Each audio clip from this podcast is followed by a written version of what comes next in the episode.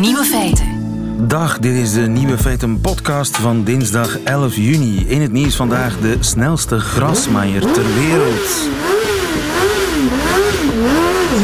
Het Japanse merk Honda heeft gisteren het snelheidsrecord voor grasmaaiers verpulverd. De Mean Mower, vrij vertaald de medogeloze maaier, doet een sprint van 0 naar 160 km per uur in 6,2 seconden. Kleine kanttekening, het gras werd intussen niet gemaaid. De recordrace vond plaats op een testcircuit in Duitsland. De vierwielige grasmachine weegt 70 kilo en is uitgerust met een tweecilindermotor van 99 cc. Een extreem stuk tuingereedschap dat niet op de markt komt. Wel wil de producent de gebruikte technieken en materialen proberen te verwerken in maaiers voor consumenten. We leven dus op hoop.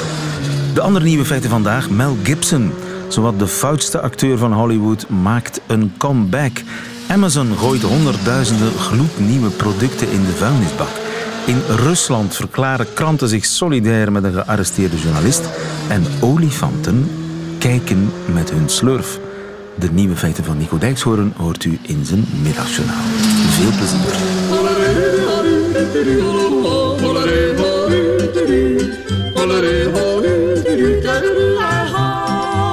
Nieuwe feiten. Nou, we hebben goedkope jingles uit Rusland uh, gekregen. Uit Zwitserland bedoel ik. Uh, want over Rusland gaan we het hebben. Nooit gezien in Rusland. Drie kranten zetten op hun voorpagina... Wij zijn Ivan Gulonov. Gulonov, de naam van een gearresteerde journalist. Dag Tom. Goedemiddag. Tom Venning in Rusland, correspondent Rusland voor de Volkskrant. Hoeveel mensen hebben intussen de petitie getekend voor zijn vrijlating?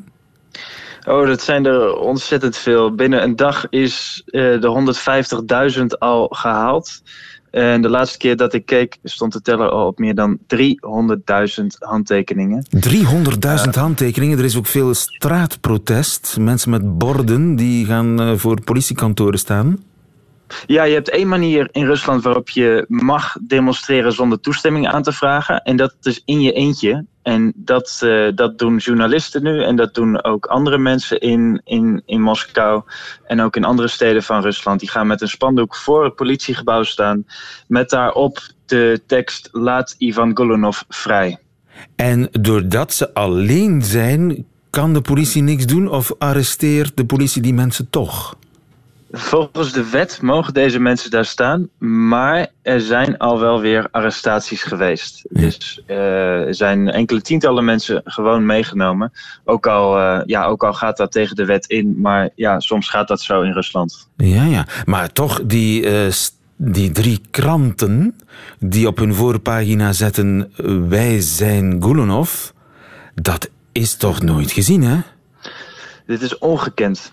Uh, journalisten staan natuurlijk al wel langer onder druk in Rusland. Het is niet de eerste keer dat er iemand in de problemen komt, maar um, wat, wat nu zo bijzonder is, is dat de Russische journalistiek echt verenigd optreedt tegen de autoriteiten. Drie uh, zakenkranten, die hebben allemaal inderdaad op de voorpagina een steunbetuiging opgeschreven. Dat is, dat is nog nooit gebeurd. En het zijn ook drie kranten die echt uh, een, ja, een hoge reputatie hebben in, in Rusland. En ook gelezen worden in het Kremlin. Want dit zijn de kranten die gelezen worden door, uh, door, door Russische bedrijven. Ze horen tot het establishment. Ja, ja, ja, dus het is heel opvallend. En wat wordt die Gulonov aangevreven? Wat heeft hij misdaan, althans volgens de politie? Hij wordt verdacht van grootschalige drugshandel. Um, hij is vorige week donderdag opgepakt en tijdens zijn arrestatie heeft de politie drugs aangetroffen. Uh, alleen zegt Golunov dat die drugs daar door de politie zelf zijn aangebracht. Dus uh, de politie zou dat hebben verstopt in zijn rugzak en ook in zijn appartement. Um, en het is al wel, er zijn al wel wat details naar buiten gekomen over de arrestatie, waaruit blijkt dat het een heel gekke zaak is. Um, het is bijvoorbeeld zo dat de politie foto's heeft verspreid van de huiszoeking. Dus foto's uit zijn appartement, waarop je allemaal drugsapparatuur ziet. Alleen eh, zagen vrienden die foto's en die dachten: hé, hey, dat, dat is het appartement van, van Ivan helemaal niet. En daarna heeft de politie ook toe moeten geven dat het inderdaad heel andere foto's waren. Dus ja. het lijkt erop dat deze zaak vooropgezet is. Dus de claims van de politie zijn niet echt super geloofwaardig. Wat zou er dan kunnen achterzitten? Wat zou dan de ware reden kunnen zijn waarom de journalist in kwestie is opgepakt? Nou, Ivan Golunov is heel bekend wegens zijn onderzoeken naar corruptie. Hij doet dingen waarvan heel veel andere journalisten denken: ja, als je dat doet, dan kom je echt in de problemen. Hij doet bijvoorbeeld onderzoek naar corruptie binnen de uh, Moskouse gemeente. Uh, hij is erachter gekomen dat de, dat de plaatsvervangend burgemeester zijn familie heeft verrijkt door allemaal vastgoedcontracten aan hen uh, door te spelen. Um, hij heeft onderzoek gedaan naar de begrafenisindustrie, die grotendeels in handen is van criminele bendes. En ja, hij kreeg al heel lang uh, bedreigingen. En nu is er kennelijk, daar lijkt het op, iemand geweest met macht die ervoor heeft gezorgd dat hij is, uh, dat hij is uh, gearresteerd. Ja, zit hij nog in de gevangenis? Hij zit niet in de gevangenis nu. Hij mag thuis twee maanden uh, in huisarrest afwachten op de rechtszaak. Dat is wel bijzonder. Normaal gesproken worden mensen direct naar een detentiecentrum gebracht. Aha, dus dat zou erop um, kunnen wijzen dat dat protest ja. iets uithaalt. Ja, ja, ja, ja, er is heel veel aandacht voor. En dat is natuurlijk wel beschamend voor de Russische autoriteiten. Dus het zou best kunnen zijn dat ze hun hand hebben overspeeld. Dat ze ja, dit protest niet hadden verwacht. En dat ze nu toch, uh, ja, misschien dat het kan dat hij toch weer vrijkomt. Zeg, en wat zegt de staatstelevisie? Want dat is toch altijd een goede graadmeter voor wat, uh, wat op het hoogste niveau gedacht wordt? Ja, dat is inderdaad een goede graadmeter. Alleen is er heel weinig te zien over, uh, over Golunov. Ze vinden deze zaak niet belangrijk. Nou, ze vinden het een beetje een ongemakkelijke zaak. Um, ze, ja, ze besteden, er, ze, besteden er liever geen aandacht aan. Want ja, mensen op straat hebben inmiddels ook wel door dat er echt wat aan de hand is. En dat dit niet uh, echt een, een drugszaak is. Daar wordt nu breed aan getwijfeld. Um, dus ja, de staatstelevisie en de regering hebben een heel ongemakkelijke situatie. Ja, ja, maar ze gaan ook niet voluit voor de drugscrimineel kaart, zeg maar. Nee, dat is wel ja, opvallend. Dat is ook dat opvallend. Is opvallend. Ja. Uh, zou je kunnen zeggen dat de persvrijheid de laatste jaren in dalende lijn gaat in uh, Rusland? Ja, absoluut. Een voorbeeld is uh, bijvoorbeeld het nieuwsmedium waar, waar Golunov voor werkt. Dat, dat heet Medusa. En dat opereert vanuit uh, Riga, dus vanuit Letland. Het is een Russisch medium, maar die hebben besloten we gaan niet meer in Rusland werken, want we worden hier zo veel lastig gevallen door bijvoorbeeld uh, brandweercontroles of door uh, politieinspecteurs of belastinginspecteurs. Want op die manier maakt de Russische overheid het werk van journalisten heel moeilijk. Niet zozeer door ze direct op te sluiten, maar door ze zoveel te plagen dat je eigenlijk geen tijd meer hebt om je onderzoek te doen. Ja, en dit is nu een signaal dat veel mensen dat niet meer accepteren. Is het denkbaar dat het regime in deze zal toegeven? Ja, dat is, uh, dat is een goede vraag. Uh, daar moeten we natuurlijk op gaan wachten. Maar eh, er is zoveel aandacht voor deze zaak. En zoals je al zei, is, hebben ze al een kleine overwinning behaald door het huisarrest in plaats van het detentiecentrum dat het wel mogelijk is dat, uh, ja, dat de straf mee zou vallen. Want hij kan 20 jaar de gevangenis ingaan. Maar dat zal een heel groot protest, uh, dat zal een gigantische reactie opwekken, verwacht ik. Dus ik ben heel benieuwd uh, wat er gaat gebeuren. We zijn dat samen met jou, hoe het zal aflopen met Ivan Gulonov, de gearresteerde journalist Tom Venink in Rusland. Dankjewel, goedemiddag. Radio 1 Nieuwe feiten. Sensatie in Frankrijk. Uh, vorig jaar alleen al zou Amazon daar 3 miljoen gloednieuwe apparaten en kleren waar niets mis mee is in de vuilnisbak hebben gekieperd. Isolé ici, au bout de l'entrepôt, nous découvrons la zone de destruction. Sous nos yeux, une équipe arrive avec un chariot plein de produits.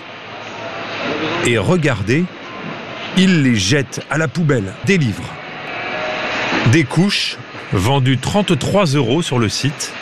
Des boîtes de Lego à 128 euros. Ces machines à pop-corn vendu 36 euros sur le site. Il y a même cette télévision qui coûte plusieurs centaines d'euros. Zelfs televisietoestellen die meerdere honderden euro's kosten, gloednieuw en in perfecte staat worden door Amazon gewoon weggesmeten, moet blijken uit een Franse documentaire. Gino van Ossel, goedemiddag.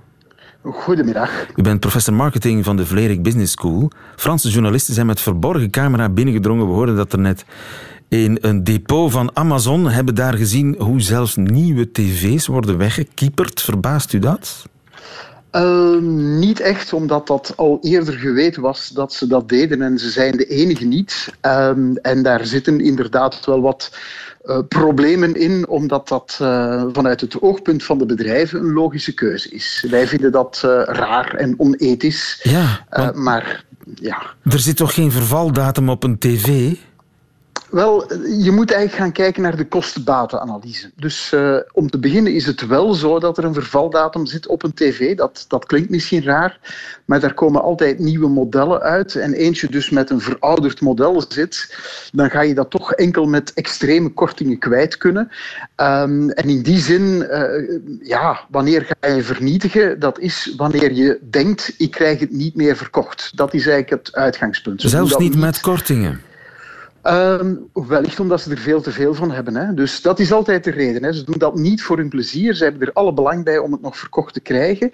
Uh, maar zelfs al krijgen ze dat verkocht met een korting, ja, dan kan het toch een duurdere oplossing zijn dan te zeggen: ik vernietig het en ik verkoop eigenlijk een tv-toestel, een nieuwer, aan de volle pot. Daar komt het op neer. Dus het kan zijn dat het verkopen met een korting duurder is dan het weggooien.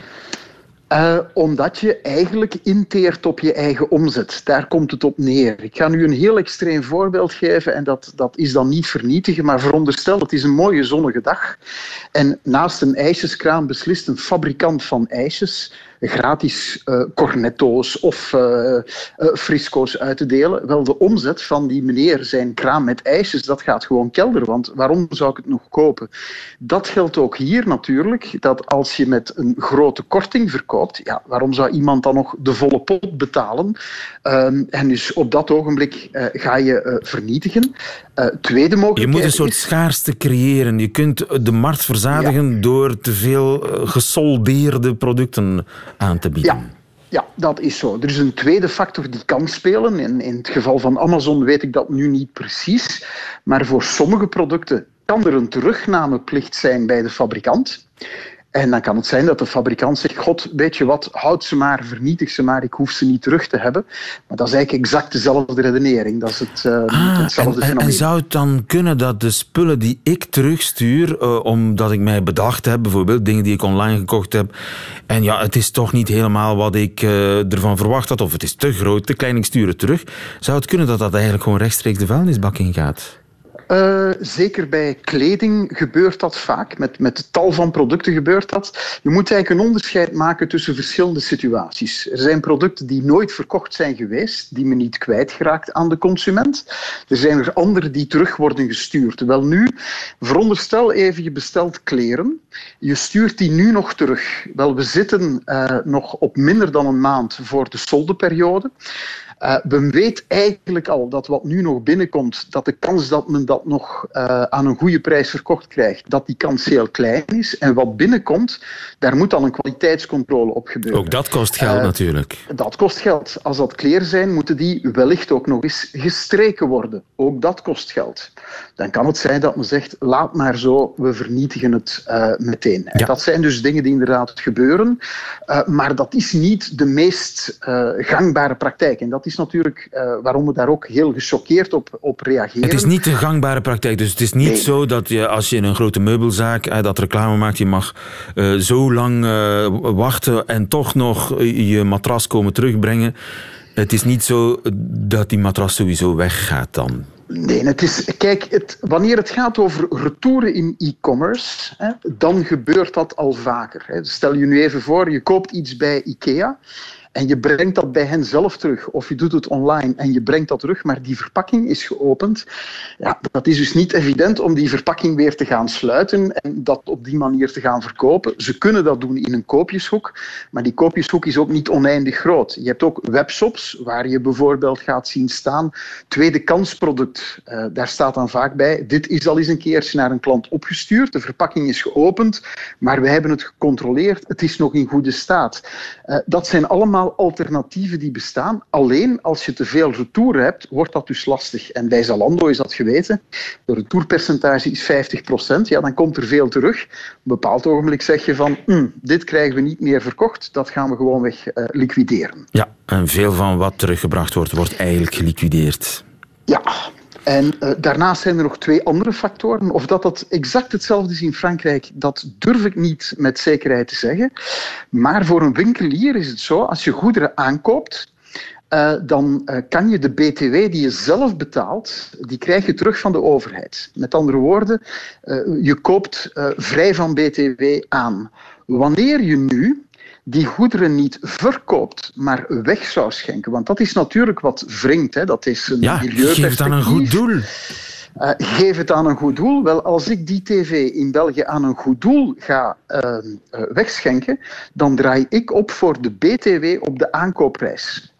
En dus uh, dat was vroeger bijvoorbeeld ook zo met voedsel. Men heeft recent de wet aangepast, al iets vroeger richtlijnen aangepast, dat als een supermarkt eten weggeeft aan de voedselbank, dan hoeft ze die ehm, BTW niet meer te betalen. Maar vroeger was dat wel zo. En dat betekent dus dat je als supermarkt zou zeggen: kijk, dit product, ik zeg maar wat, een reep chocolade. De vervaldatum is bereikt, die is nog perfect eetbaar, daar is niks fout mee, maar die is een beetje aan het verkleuren.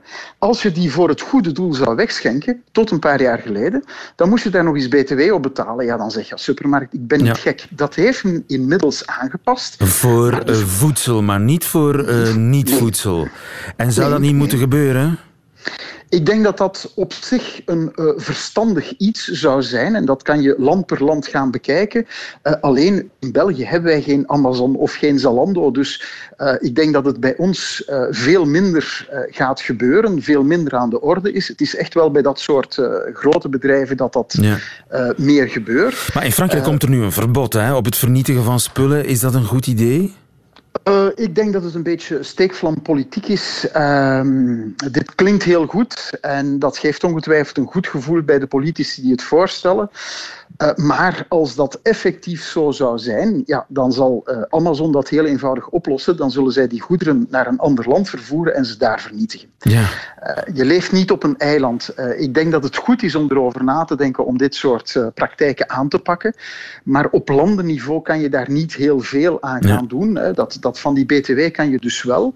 Dit moet je eigenlijk Europees regelen. Ten tweede moet je ook met de sector toch gaan samenzitten van hoe kunnen we dit gaan oplossen, want er zijn andere andere uh, factoren die spelen natuurlijk. Als je het voor een goed doel wegschenkt en het blijft bij het goede doel, ja, dan heb je daar geen last van. Maar wanneer dat daarna via allerlei circuits weer op de markt komt, dan komen we terug op wat ik in het begin zei. Dan ga je minder ja. omzet maken op nieuwe producten. En dat wil je vermijden. En dat dus wil je vermijden. En ja, want de ja. voedselbank, die, dat is toch een voorbeeld hoe het wel werkt? En daar werkt het heel goed omdat je dat kan afbakenen. En dan heeft dat ook vaak te maken met houdbaarheidsdatum enzovoort. Ja, in deze is dat natuurlijk iets moeilijker.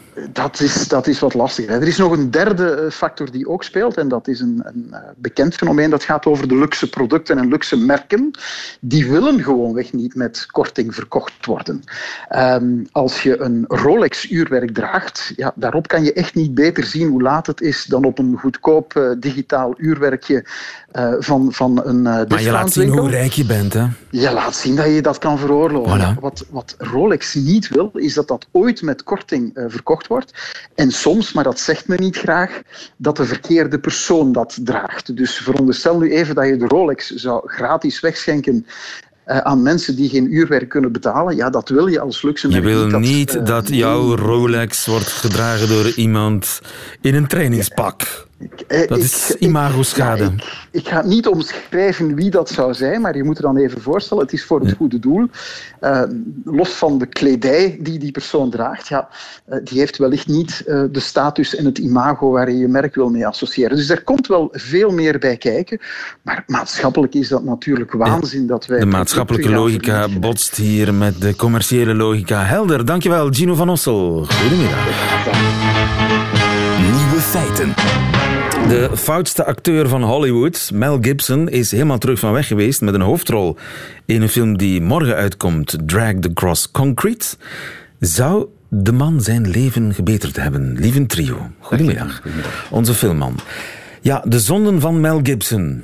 Ze zijn hem kennelijk vergeven en het zijn er nogal wat. Zullen we eens uh, bij het begin beginnen? Uh, antisemitisme bijvoorbeeld? Ja, dat is een van zijn favoriete zondes toch wel. Hè? Um, het begint al bij zijn vader. Daar kan hij zelf natuurlijk weinig aan doen. Maar uh, Hutton Gibson is een oer-conservatieve katholiek die um, in interviews de holocaust heeft ontkend, bijvoorbeeld. maar daar kan hij dus daar kan hij niks aan doen, inderdaad. Ja. Maar, maar hij heeft um, ook weinig gedaan om dat beeld tegen te spreken. Zo kan je het inderdaad wel zeggen. Integendeel, hij heeft er ja, toch wel geen schep bovenop gedaan, maar toch wel in dezelfde richting gegaan. Um, hij heeft bijvoorbeeld is, uh, ja, hij heeft natuurlijk een film gemaakt, The Passion of the Christ, over Jezus, hè, over het uh, verhaal van het, einde, het levenseinde van Jezus. En een film tegen Joden? Wel, de Joden, of toch een deel van de Joodse gemeenschap, heeft dat wel zo ervaren, voor een stuk, want natuurlijk er zijn verschillende interpretaties van dat passieverhaal, maar hij zou volgens een deel van de Joodse gemeenschap toch iets te veel in de richting van de um, Joodse gemeenschap hebben gewezen als schuldenaar voor de schuldigen van de dood van Jezus. En ja, stereotype manier van de Joden af te beelden enzovoort. Maar dat is allemaal nog wel ja, passabel. Maar dan komen we in 2006, wanneer Mel Gibson er een uh, gezellige avond in een bar heeft opzitten. Uh, As one does. inderdaad, dat, dat, mag ook. Daar dat, is niks, dat kan niks wel eens gebeuren. Mee. Behalve dat hij dronken achter het stuur kruipt. Dat uh, mag dan weer niet. En hij wordt rond iets na twee s'nachts langs de kant gezet door een politieman. Ik ging bijna flik zeggen, maar dat mag niet op de radio. En um, die heeft natuurlijk direct door dat Mel dronken is. En die heeft ook een fles tequila naast hem staan. Dat helpt ook niet. Geeft hem een boete en waarop Mel begint te voeteren en en uh, er is naar het schijnt een vier pagina's lang uh, rapport van de politie, maar er is één zinnetje uitgelekt, namelijk fucking Jews. De Joden zijn verantwoordelijk voor alle oorlogen ter wereld. Dat is niet iets nou. dat ik zou zeggen als ik gearresteerd zou worden. Ja. Um, dus ja. Antisemitisme, check. Homofobie. Ja, inderdaad. Dat uh, dateert al van uh, een tijdje geleden dan toch. In de jaren negentig heeft hij een interview gegeven waarin hij uh, ja, een vraag over homoseksuelen, waarop, waarop hij dan antwoordt, ja, homo's, they take it up the ass. Dan gaat hij recht staan, wijst dan naar zijn kont en zegt hij, dit hier, dat dient alleen maar om naar de wc te gaan. Ja. En hij heeft zich daarna ook geweigerd om daarvoor te excuseren enzovoort. Ja, dus Homofobie, is... check. Vrouwenhaat. Ja, dat is een uh, delicate. Dus dan komen we in 2010. Uh, op dat moment was hij, probeerde hij een beetje de schade van die, die dat uh, antisemitische incident had berokkend al een beetje toch te, te beperken, wat heel moeilijk was. Maar dan um, op dat moment lekt er een tape uit ehm, waarin hij te horen is, die ja, een telefoongesprek zou ik het niet noemen, een soort tirade richt tot zijn toenmalige partner, Oksana Grigorieva, een pianiste. En daarin ja, scheldt hij er werkelijk de huid gewoon volledig vol. Het is niet om aan te horen. De, de, de krachtigste krachttermen die je maar kan bedenken. Zeer vrouwonvriendelijk, racistisch ook, maar toch vooral heel vrouwonvriendelijk. Misschien moeten we eens Oor, luisteren. Oordeel zelf. Listen. You almost killed us. Did you forget? Last three years has been a fucking gravy train. You were hitting a woman with a child in her hands. You. What kind of man is that? Hitting a woman when she's holding a child in her hand, breaking her teeth twice in the face. What kind of man is that? Mm, oh, you're all angry now. Yeah, I'll put you in a fucking rose garden, you cunt. You understand that? Because I'm capable of it. You understand ja, hij, is, hij lijkt me niet echt het zonnetje in huis, deze meneer. Nee. Uh, uh, I'll put you in ja. a rose garden. Dat bedoelt hij mee, ik ga je begraven, trut. Ja. Uh, ja, dus dat is, het klonk een beetje als een slechte film, maar het was echt. Ja, de, de, hij gaat er zeker geen Oscar voor krijgen, in tegendeel. Nu, kreeg hij hierna nog veel aanbiedingen? Nee, zoals je wel kan inbeelden, is dat niet echt in goede aarde gevallen. Zijn agentschap, WME, heeft hem ook meteen laten vallen. De dag zelf nog dat die tapes uitlekte, hebben ze hem losge... dus zijn contract verscheurd eigenlijk. Uh, nee, dus inderdaad, daarna is die man uiteraard in een soort van uh, zwart gat beland. Um, heel weinig films nog gekregen. Er waren een paar films die uitkwamen die hij ervoor nog had opgenomen. Die zijn geflopt. Uh, ja, hij heeft dan nog een paar kleine rolletjes mogen spelen waar hij uiteraard de slechterik dan speelt. Ja. Dat past bij zijn imago. Maar voor de rest, nee, het is... ja, ja, in Hollywood draait alles om de schone schijn. Ja, absoluut. En niemand wil natuurlijk geassocieerd worden nee, nee, nee, met zo'n sujet. Inderdaad, het is een soort... Hoe getalenteerd ook. Ja, het is een soort radioactief afval geworden en niemand wil dat nog aanraken. Het is straling die ook al de rest kan besmetten, zo gezegd, als je daarmee samenwerkt. Hetzelfde geldt bijvoorbeeld voor Kevin Spacey, die op moment ook, en voor veel minder ja, ja, veel minder, dat weet ik niet. Maar, uh, ja, dit, dit gaat toch wel heel erg ver. Het gaat ver, maar ja, het is, ja, het is, het is appel en peren vergelijken natuurlijk. Over Kevin Spacey zijn er uh, ja, allerlei verhalen, zijn die bevestigd of niet, is nog altijd niet helemaal duidelijk, maar hij heeft toch met kinderen, of ja, minderjarigen naar bed geweest en zo, dus er zijn toch wel, ja, enfin, daar kunnen we moeilijk over oordelen zonder de Ja, we kennen de feiten natuurlijk niet, hè. Uh, daar wordt heel... Nu, hij klautert weer uit die vergeetput, ja, stilaan. daar lijkt het op inderdaad. Twee films met een hoofdrol dit jaar eh, eentje komt er morgen uit. Inderdaad, Dragged Across Concrete. En dat is geen uh, B-filmpje. Nee, dat is uh, een behoorlijk goede film. Het is natuurlijk nog altijd geen film gemaakt door de topstudio's. Dus ik denk dat zij nog even aan het, de kat uit de boom kijken zijn. Of dat ze wel terug met hem gaan samenwerken. Maar het is duidelijk dat hij, hij is terug in de cinema te zien. zijn gezicht is weer op het grote scherm te zien. Dus dat zegt al veel. Maar um, hij is natuurlijk al langer bezig aan die remonte. Het, het, het slimme, laten we zeggen, is dat hij dat eigenlijk heeft gedaan via de kleine poort. Hij is um, als regisseur eigenlijk, want hij is ook regisseur. Hij maakt al langer films. Braveheart dat hij ook regisseert. Uh, Apocalypto, The Passion of the Christ enzovoort. En nu dus in 2016 heeft hij een film uitgebracht, Hacksaw Ridge, over een uh, zeer gelovige soldaat die om religieuze redenen uh, geen wapens wou aanraken, maar toch veel mensen heeft gered. Dus een, ja, hij is ook heel gelovig trouwens, dus hij heeft dat, dat geloof uitgedragen nog eens in die film. En die film is naar de Oscars gegaan, heeft zes nominaties gekregen, waaronder een nominatie voor Mel Gibson zelf. Maar hoe valt dat te verklaren? Aan de ene kant heb je die bijna overdreven paniek. Als iemand uh, ook maar enigszins negatief in het nieuws komt, dan, is, wordt het onmiddellijk toxisch afval. Dan hebben we niks mee te maken. Of het waar is of niet, laten we in het midden. Maar onze belangen laten niet toe dat we met die persoon nog geassocieerd worden.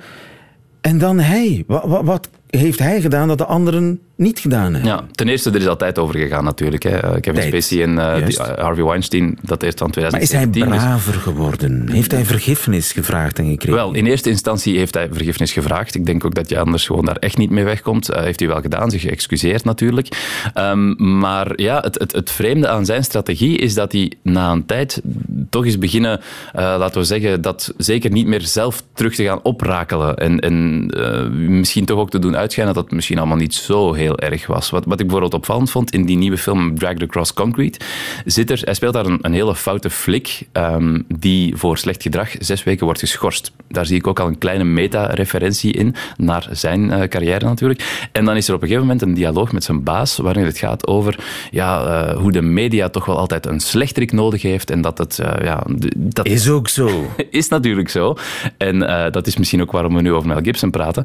En dat is volgens mij een duidelijke referentie naar zijn situatie en ja, de rol van de media daarin. Dus eigenlijk, wat hij nu aan het doen is, is toch een klein beetje op de vinger wijzen naar van ja, het was eigenlijk ook wel een beetje hun fout. En uh, het was ook de fout van Oksana Grigorieva, want zij heeft dat opgenomen en dat verwacht je nu toch niet, dat iemand een privégesprek opneemt. Dus ik denk dat hij ook wel bezig is met de verantwoordelijkheid lichtjes van zich af te schuiven. Tijd is een hele belangrijke natuurlijk. Dat denk ik als, zeker als, als, als, er vijf, zes jaar overheen zijn gegaan, dan valt er weer te praten. Dus misschien er is wel. misschien wel hoop voor Kevin Spacey? Dat valt nog te bekijken. Hè. Ik weet niet hoe het met zijn proces en zo zal uitdraaien. Ook bij hen natuurlijk, bij Harvey Weinstein en Kevin Spacey, had je natuurlijk het moment, zij lagen aan de basis van iets dat echt een soort revolutie is geweest in de industrie. En ik denk dat hun naam altijd zal verbonden blijven met dat keerpunt, met MeToo, die hashtag die zo iconisch is geworden, en met Time's Up.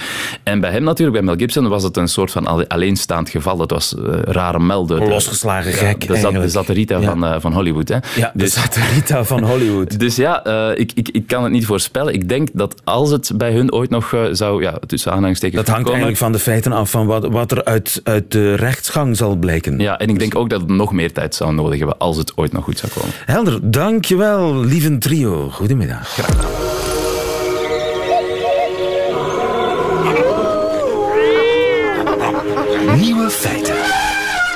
Nee, natuurlijk kunnen olifanten niet zien met hun slurf, maar toch, Chris Dussochois, goedemiddag. Goedemiddag.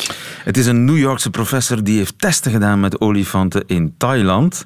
En daaruit blijkt dat olifanten blind kunnen ruiken hoeveel eten er in een emmer zit. Ja, dat is heel straf, eh, want eh, we wisten al dat dieren op zicht het onderscheid kunnen maken tussen meer en minder voedsel. Dat is voor dieren belangrijk natuurlijk. Eh, voedsel is heel belangrijk. we weten dat honden en katten, allerhande primaten, maar ook slimme vogels zoals kraaien, het onderscheid kunnen maken tussen pakweg een hoopje van zeven snoepjes en een hoopje met dertig snoepjes. Ze kunnen niet echt tellen, maar ze kunnen dus het onderscheid maken in kwantiteit. Ja, ze kennen het Eh, concept weinig en ze kennen het concept meer en veel. Voilà. Voilà.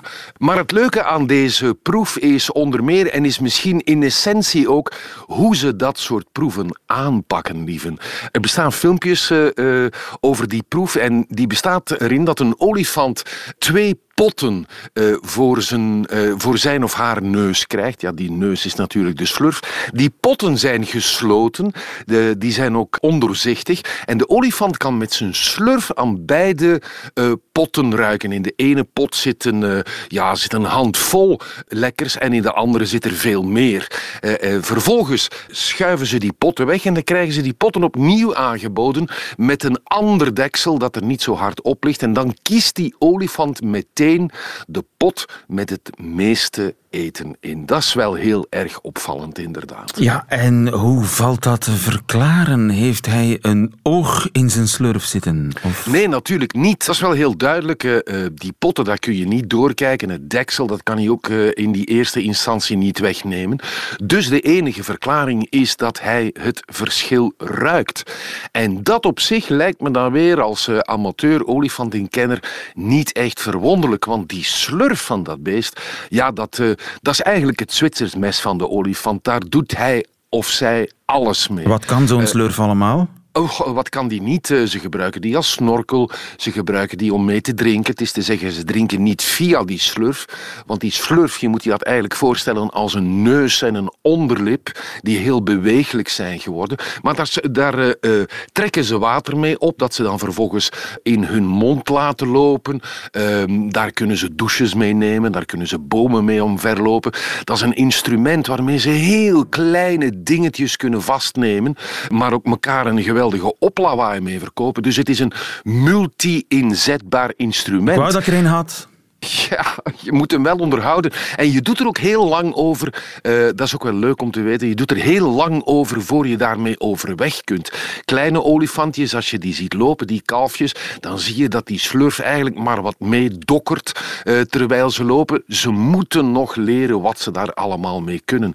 En ook wij moeten eigenlijk nog als mensen leren wat die slurf allemaal kan. We weten bijvoorbeeld niet hoeveel spieren er in die slurf zitten. Sommige mensen zeggen het zijn er een paar honderd. Nee, zeggen anderen het zijn er minstens 150.000.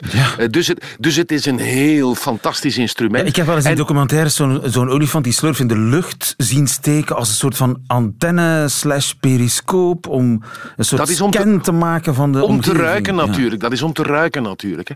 En het mag niet, verwonderd, eh, mag niet verwonderen als je zo'n afstand hebt dat je wel een hele straffe neus hebt. Alhoewel tot nu toe de koning eh, der neuzen van het dierenrijk op het land dan toch, dat is en blijft de ijsbeer. Eh, Maar het is ook natuurlijk heel erg moeilijk om te vergelijken of een ijsbeer nu beter ruikt dan een olifant. Maar wat leuk is ook eh, om in deze boven te halen, is het verhaal van Slimme Hans. Ken je dat, lieven? Ik ken wel een slimme Hans, maar dat is waarschijnlijk niet de, de slimme Hans die jij bedoelt. Nee, eh, Sli- Slimme Hans, dat was een paard dat aan het begin van de vorige eeuw heel ogen eh, hoge ogen pardon, gooide op allerlei feesten en kermissen en beurzen. Dat paard leek te kunnen tellen.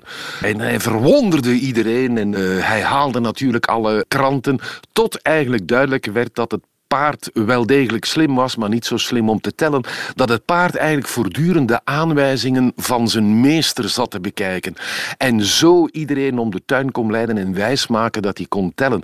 En die slimme Hans, die heeft zijn invloed gehad op allerhande testen die sindsdien zijn gedaan met dieren.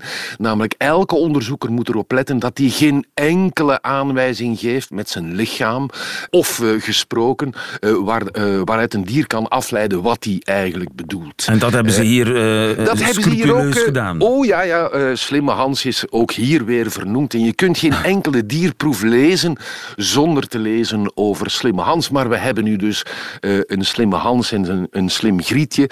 Ze worden in Thailand, het zijn Aziatische olifanten en ze kunnen kwantiteit onderscheiden met hun slurf, met hun ogen dicht. Ja, ik kan niet aan een brooddoos ruiken en weten hoeveel brood erin zit, maar een olifant wel. Dankjewel, Chris Dusselswaar. Goedemiddag. Alsjeblieft. Nieuwe feiten. Middagjournaal. Beste luisteraars. Ik was de afgelopen twee weken in Zweden. Tanja en ik hadden een heel fijn huis gehuurd aan de rand van een meer. Iedere ochtend werden wij gewekt door het geluid van twee vechtende zwanen. Ik zou dat niet snel een liefelijk geluid willen noemen. In je eentje een driezitsbank over een houten vloer schuiven, denkt u daar maar een beetje aan qua geluid. Twee vechtende zwanen klinken als een omvallende kast vol blikgrond in een supermarkt. Tanja en ik keken samen naar de zwanen. Het was een heel ingewikkelde manier van vechten, want zwanen die hebben geen handen. Ze moeten alles met hun borst en met hun kop doen. Als twee mensen vechten, dan is dat veel overzichtelijker. De een geeft de ander een klap op zijn wang en zegt daarna iets als: Maak maar een ander zwanger, maar blijf bij mij vandaan. Die zwanen die moesten het hebben van woest gefladder met hun vleugels op het water. Ik zei tegen Tanja: Dit, wat je nu hoort, dat is precies het geluid van ome Joop zijn motorbootje. Zijn vrouw, tante Beb, die zag hem in zijn boot stappen. Ze keek hoe die wegpruttelde. En daarna heeft niemand hem ooit nog gezien. Ze zeggen dat hij danst voor geld in Roemenië. Smiddags gingen Tanja en ik kijken wat er in het stadje te doen was. Daar bleek de hele dag een bluesfestival te zijn. Als ik moet kiezen tussen een Zweeds bluesfestival of dat ik de rest van mijn leven met een kunstoog in mijn linkerhand moet lopen, dan kies ik voor het laatste. Het was vreselijk. Op ieder podium stond een Zweed de blues te zingen of te spelen. Ook in Zweden hebben ze het niet makkelijk, hoorde ik. Ik keek naar een zangeres en ze schreeuwde in de microfoon dat ze die ochtend weer eens wakker was geworden. Ik dacht, en morgen weer, lieverd. Wat ga je eraan veranderen? Toen Tanja en ik terugreden, toen vroeg ik aan haar: Als je nu moet kiezen, niet nadenken, maar je moet meteen antwoorden. Twee vechtende zwanen of Zweedse blues. Wat kies je dan? Ze antwoordde: Vechtende zwanen, Niek. Desnoods met handjes.